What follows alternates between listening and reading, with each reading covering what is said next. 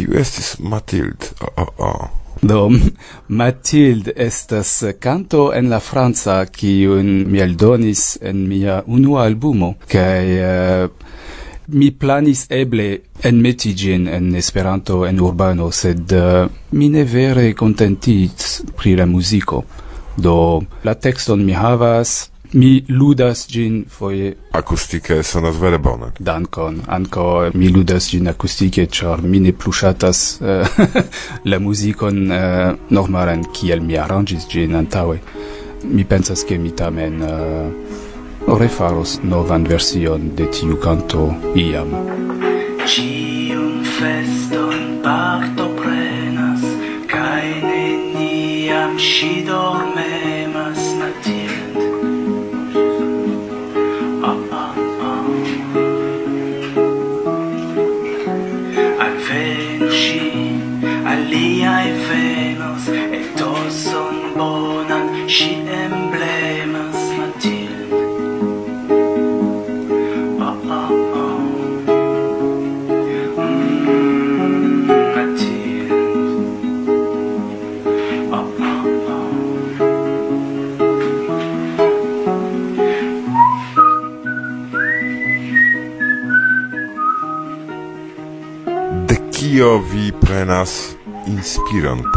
la tekston, ĉu estas arto por arto, ke vi deziras ion krei por Esperanto. Jo do vi sidas kaj elpensas, e eble mi skribos hodiaŭ pri Matilde aŭ tradukos ion el la franca.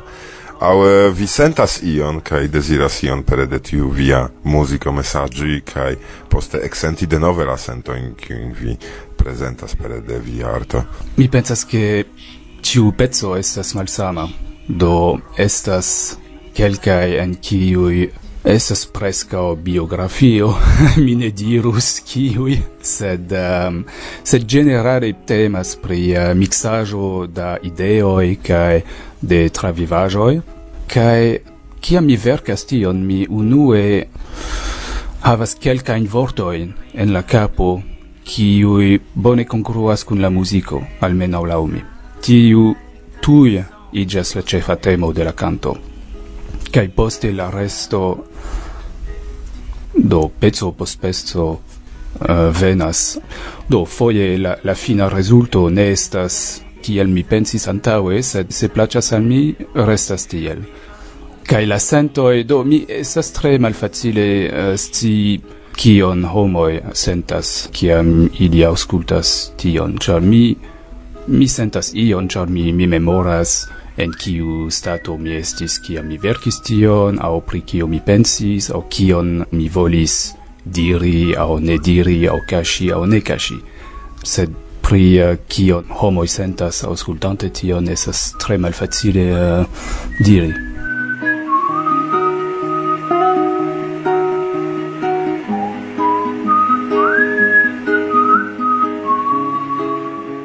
play proxima lasta komponaĵo ke vi sentas ion en la coro se vi pensas pri tiu komponaĵo ĉu estas tiu la play.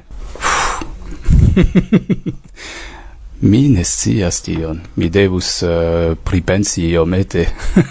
Eble mi diros al vi iom uh, pli malfrue dum la intervjuo, tio venas en mia capo kaj mi diros al vi. Ĉu bone?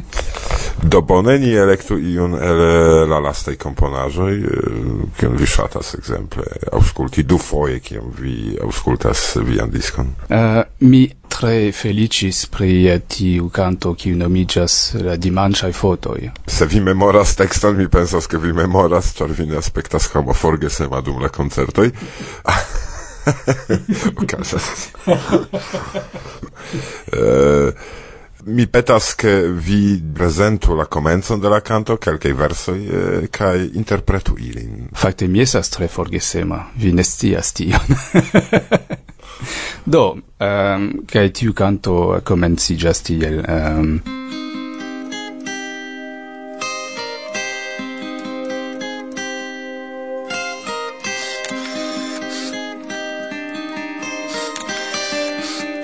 Mia memoro ne plu povas disigi la dimancioin de fobi. Vi tiam bone sciis min instigi vin foti de corpo gis anim. Mia memoro ne plu povas disigi la dimancioin de cutim. Vi tiam bone sciis min instigi vin foti de corpo gis anim.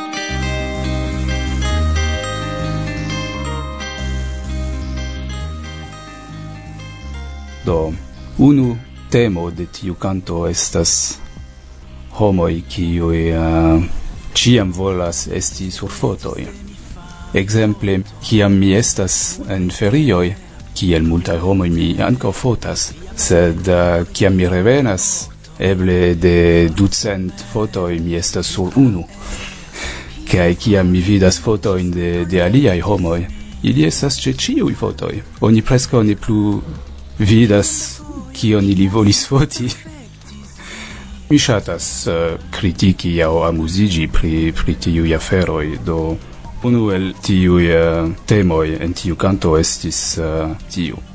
Alia estis rilato inter du personoj, unu kiu ciam igas fari aferoin al alia, cae oni ne certas kiu vere gainas pri tio.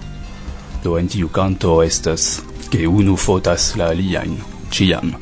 Sed anco en la canto estas che la pago estas belezzo en cadro.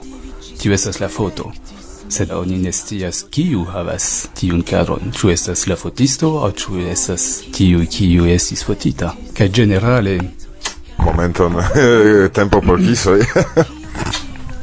Ja, bone. Ankaŭ kisas knaminojn dum intervjuoj. Mi, mi rekomendas al ĉiuj artistoj.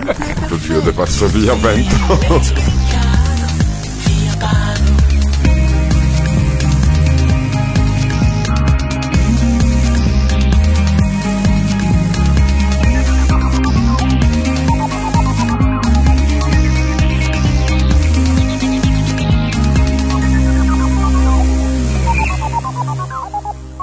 ni revenu alla temo. Um, ah de nove kisado bone. Eh, pauzo por eh, kisado adiaŭ. Ĉi tie okazis distra vespero. Mm. Gis mateno, gi, adio, Dorotka. Mm. Do bone, dauras eh, interviuo con Eric Longila in cialoi doco ni revenu do al la temo. Ĉu vi memoras pri kio ni parolis? pli malpli. um, mi pensas ke interesa afero por mi en miaj tekstoj estas ke aferoj ne estu tiom klarigitaj. Mi ŝatas kiam tekstoj estas iomete malklaraj, ĉar oni povas mem interpreti kaj havi sian propran opinion pri aferoj generale kai pri cantoi ankaŭ do en multaj el miaj uh, eh, tekstoj estas tiel che ne cio estas uh, clara sed mi jam ricevis mesaĝojn interesa de homoj kiuj uh, eh, ĉefe ŝatis tion. Kaj diris ah estas bone vi ne scribas longa in texto in sed estas iomete uh, interesa kai do mi tre uh, contentis compreneble ricevi uh, tiun uh, commenton sed antao mi pensas che estas mia celo generale kiam mi verkas texton Iuj aliai cantoi con kiuj vi havas ian emocian rilaton? Um, intima rilato estas... Uh, Mi, mi ne certas kiel eh, clarigi tion. Mi, mi metas che kun ciui cantoi mi havas intiman rilaton, char uh, eh, estas parto de de mia vivo estas ciam uh, eh, momento kiam mi verkis tion. Do mi pensas ke ne ne estas canto kiun mi faris nur por diri. Mi mi faras tion kaj mi tute sen zorge gin faras. Mi ciam zorge faras gin kaj se io ne placas al mi dum la verkado aŭ la rezulto ne placas al mi, mi ne eldonas ĝin. Do mi pensas ke en tiu senso ĉiuj kantoj havas intiman rilaton kun mi. Kiel vi nomus la branĉon de muziko, kiun vi prezentas? Ĉar nek rock, nek pop, nek jazz, tio estas nek elektronika fakte, kvankam sono estas elektronika. Kiel vi nomus ĝin? Erika muziko. Do, jam vi... jam uh, vi uh, scias. Mi ricevis de vi hierau uh, novan pecon, kiun vi inventis. uh, pri kio temas? Estas peco pri mm, calmezzo de homoi, kiam oni ne bezonas akiri multajn aferojn, oni povas simple travivi kio okazas en la mondo cae senti ne ne pre grandan felicion, cae ne malfelicion. Do es suffice uh, ehm, neutrala sento, ciam oni pensas che mi eble ne estas la plei chanza en la mondo, sed eh, uh, aferoi ne, ne malbonas por mi.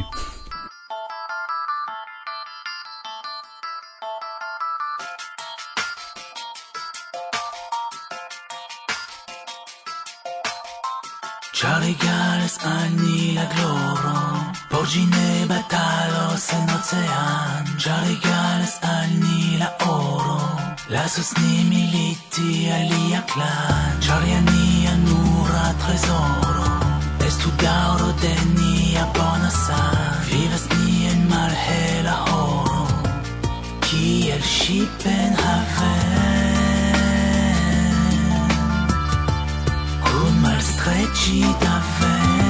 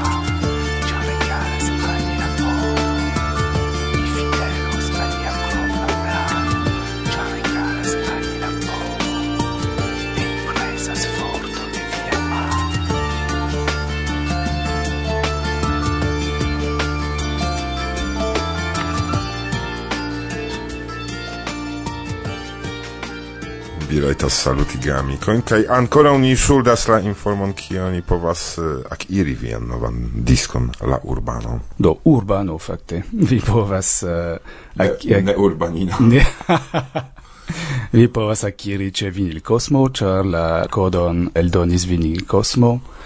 La nova pezzo kiun vi eh, uh, presentos mi eldonos post jaro mi pensas ĉar mi havas aliajn projekton Do estas suffice unica chanzo vidi ec ne la venontan albumon de inizialoi dozzo, sed la pezzo de la albumo post la venonta albumo. Do, minuto por salutoi. Saluto al mia fratrino, compreneble, vi, vi bone conas cin, ciu ne? Cae al sia filino, qui uh, eh, nomegias Amelie venas eh, tempo verki ion pri Ameli. Koran dankon pro la interviuo. Ancora mi ripetas, che dum la iofo baldau kai dum festo somere kai ankaŭ dum la ies kai intertempe dum diversai concertoi exter esperantistai kun Eriko ni povas renkontigi kai subscribi la diskon. Tio estas unika kai bela. Dankon, Karab.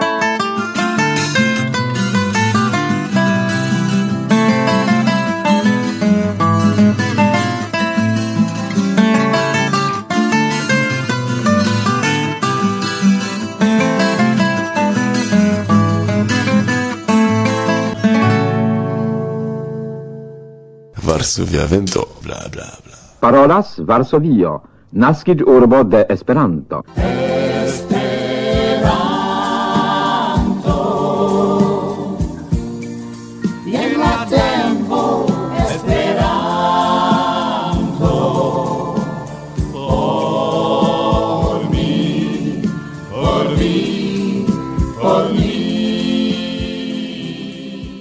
Tutcore en la Varsovia Studio de la Polare Retradio en Esperanto bonvenigas vin en la nomo de la tuta redakcia teamo Barbara Pietrzak.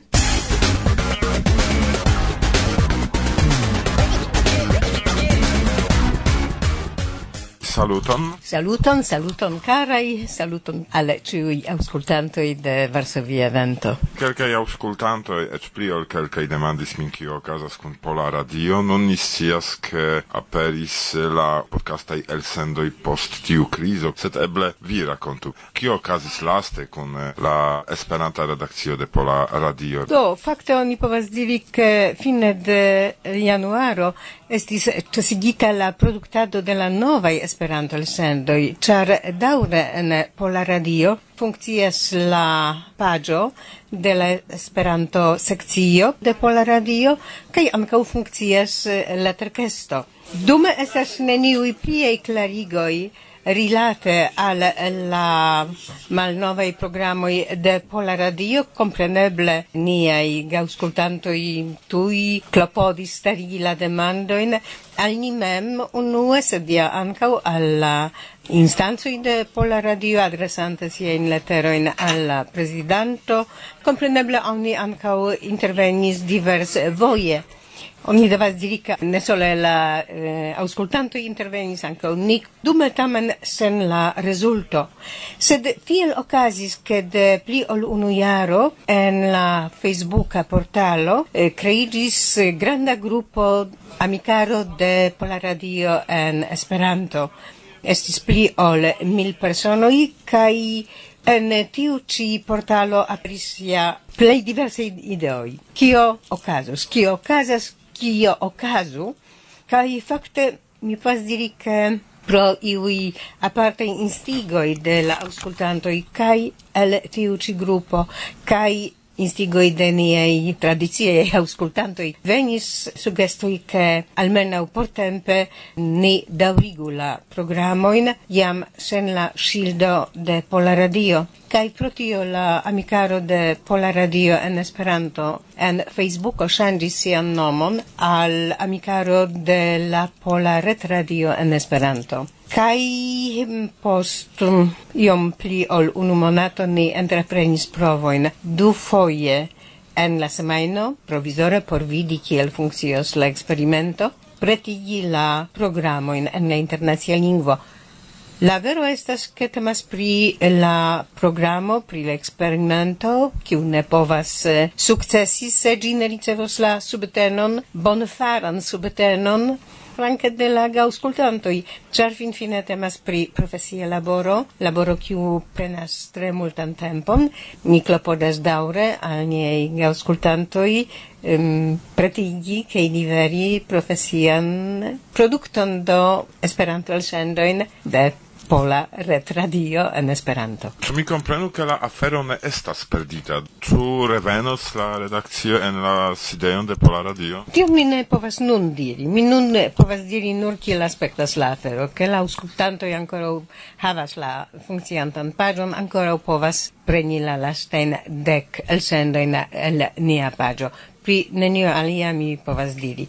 Ali flanke mi estas tre dankema al ciui kiui um, kai appartenis al tiu iniziata gruppo do en la comenzo estis kun mi Simono Peno, estis Salir Zakirov, estis Bruce Crisp, estis Andreo Bach, estis eh, Edward eh, Wojtakowski, kaj kompreneble sen eh, Boguslavo Ubik-Perski ni entute ne povus pensi pri io tia, ĉar fakte Boguslavo establis tiun amikaron de Pola Radio en Esperanto antaŭ unu jaro. Kaj nun, kaj nun estas la unuaj klopodoj regule elsendi sendi eh, semajne du programoin, kaj ni vidos eh, kiel la afero evoluos. I am, kai poste iomete eble tio sangigis. Oni devis fari ian laboron lau la politica linio. Kio troviĝos nun tempe en la programoj de la Pola Retradio. Do eble ni tute eh, clare diru, ni nenion devis. La exterlanda programo en la Pola Radio same kiel en eh, alilandaj programoi Estis eh, programo kiu servis iun programojn al eksterlanda aŭskultanto en naciaj lingvoj por proksimigi Pollandon al alia kliento, al alia aŭskultanto kaze de eh, Esperanto kompreneble al la Esperanto parolantoj. Efektive en la komenco kaj relative longe estis iuj ni diru devigaj, ne estis premoj, ni ne ni, ni, ni ne mensogu, ne estis premoj, Tamen en la programo, exemple, estis politikaj komentarioj kaj sendepende ne, ĉu oni ŝatis tion, ĉu oni ne ŝatis, tiuj programoj ankaŭ servis por provizi la esperanto parolanto in per la normala ciutaga lingvaĵo kiu rilatis al tiu sfero de la vivo sendepende kun kiu koloro ĝi estis aŭ kiun koloron ĝi havis. Do fakte tiel estis. Kompreneble kun la fluo de la tempo multe ŝanĝiĝis, Ni ciam havis tiel nomatajn kontaktajn programojn, ni havis multajn aŭtorajn programojn kaj tio restis. En la lasta periodo kompreneble multo ŝanĝiĝis, ĉar fakte ni mem elektis ankaŭ la politikan enhavon de niaj elsendoj. En la nuna formulo de la Pola Retradio en Esperanto ni compreneble daure radikas en Pollando, en la lando en kiu naskiĝis Esperanto, kiu havas tiom da ligoj kun doktoro Zamenhof, kun Esperanto movado. Do compreneble temoj ligitej kun Pollando estos uh, multej. Sed eh, compreneble iam iomete alimaniere ni presentas ilin, iam ni ne presentes ilin kiel la vocio autoritato de la Pola Radio au exemple eh, exterlandei programoi de Pola Radio kiu estas creatai cun labore cun la Ministerio por la Exterlandei Aferoi. Tio evidente sangiras. Kai compreneble ni ehm, non praticante du programo in iomete devas eh, alimaniere trakti diversa in aferoin, ni klopodas tion fari, Ni vidos kiai estos la reagoi de la auscultantoi, cer la programo ciam creigas per de kunlaboro de redaktoroi kai de la aŭskultantoj kai la opinioi de la auscultantoi iliei desiroi iliei idoi ankaŭ influas la programon.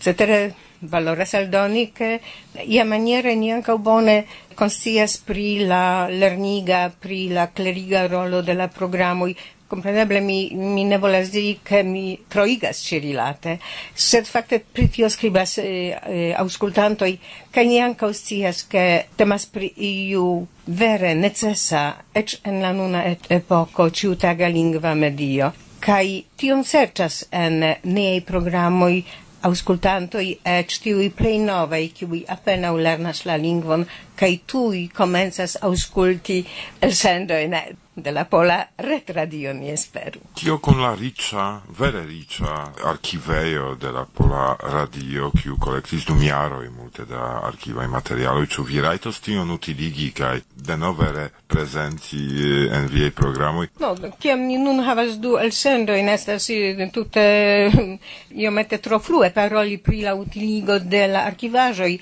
mi plurfoje en eh, diversaj forumoj eh, klarigis kiel aspektas la arkivaĵoj. eh, kelkaj estis simple detruitaj, ĉar la provizoj de la preskaŭ kvindekjara redakcio devus okupi preskaŭ la tutan domon, ĉu ne?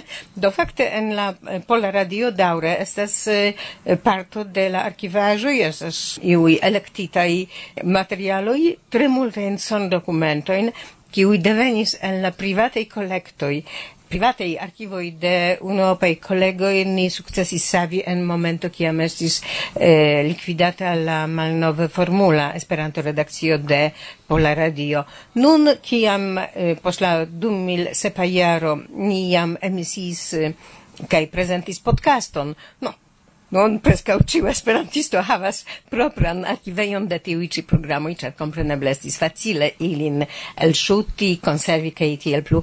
Ni ancau havas tiun ĉi provizon. Viei esperoi? Miei esperoi, miei esperoi estas um, ligitei kun... Um, no jes, kun la espero, ke eh, tiu formulo, kiun ni proponas al auscultantoi estos acceptita che ni trovos subtenon de niai mm, auscultantoi kai nia flanke effettive ni cloporos daure ne malaltigi la nivelon de la programoj kontraŭe ci ampli altigi gin mi tre gioias che post iom miserei lastai kvar jaroj kiam la kunlaborantoj laboranto estis eh, tro multaj nun quasi reflugis al la redacta kolektiva ankaŭ collegoi kiuj dum jaroi estis ligitei con ni kai ja promesas kun laboron en tia au en alia formo kai cetere tio jam audidas en niei programoj la voce de Milada la voce eh, de Andreo la voce de Wojtek no compreneble voce de Maciek kai unu vice Gabi dies compreneble. Do tio signifas ke ni havas eh, bonan bazon kaj mi ankaŭ tutte clare diru eh, mi ankaŭ pensas pri estonteco pri nova iuna esperantistoj, pri novaj junaj entuziasmuloj, eh, novaj redaktoroj, novaj voĉoj, novaj talentoj. Do desiderante al vicino poi bonan en evoluo de tiu ĉi nova iniciato fakte nova ne nova, sed tamen nova Caran dankon Barbara pro la intervjuo. Caran dankon, espereble kiam audiĝos ĝi estos jam pli da programoj de Pola Retradio en Esperanto.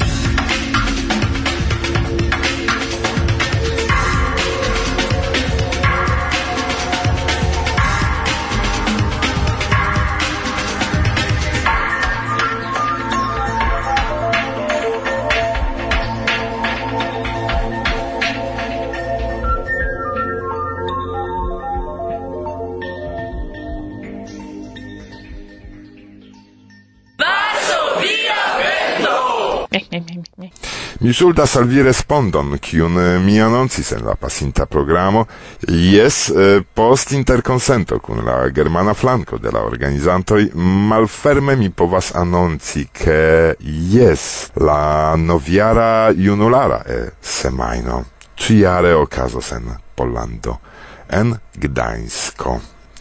Ĵus ni revenis el tie cae ni komencis labori pri la jes pagio, baldau do vi excios pli da detaloi. Kai shaine jam cio, kion ni prilaboris al tiu ci programo, la sesdeknaŭan elsendon de Varsovia Vento prezentis al vi Irek Goszka. Marta. Kaj mi, Rudzia, mi vesperas, ke nenio forgesis pri mi, malgrau ke de longa tempo ja mi ne parolis ci tie. Ne forgesu pri ni! Gis!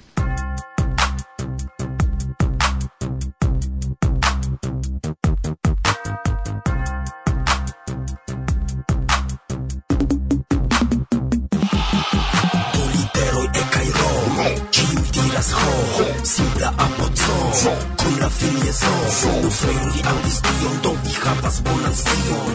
Eblas fari nenion Memoru ciam tion Literoi E kai ro Ciu diras ho Simpla apoco Kun la filieso Ofendi audis tion Do vi havas bonan scion. Eblas fari nenion Memoru ciam tion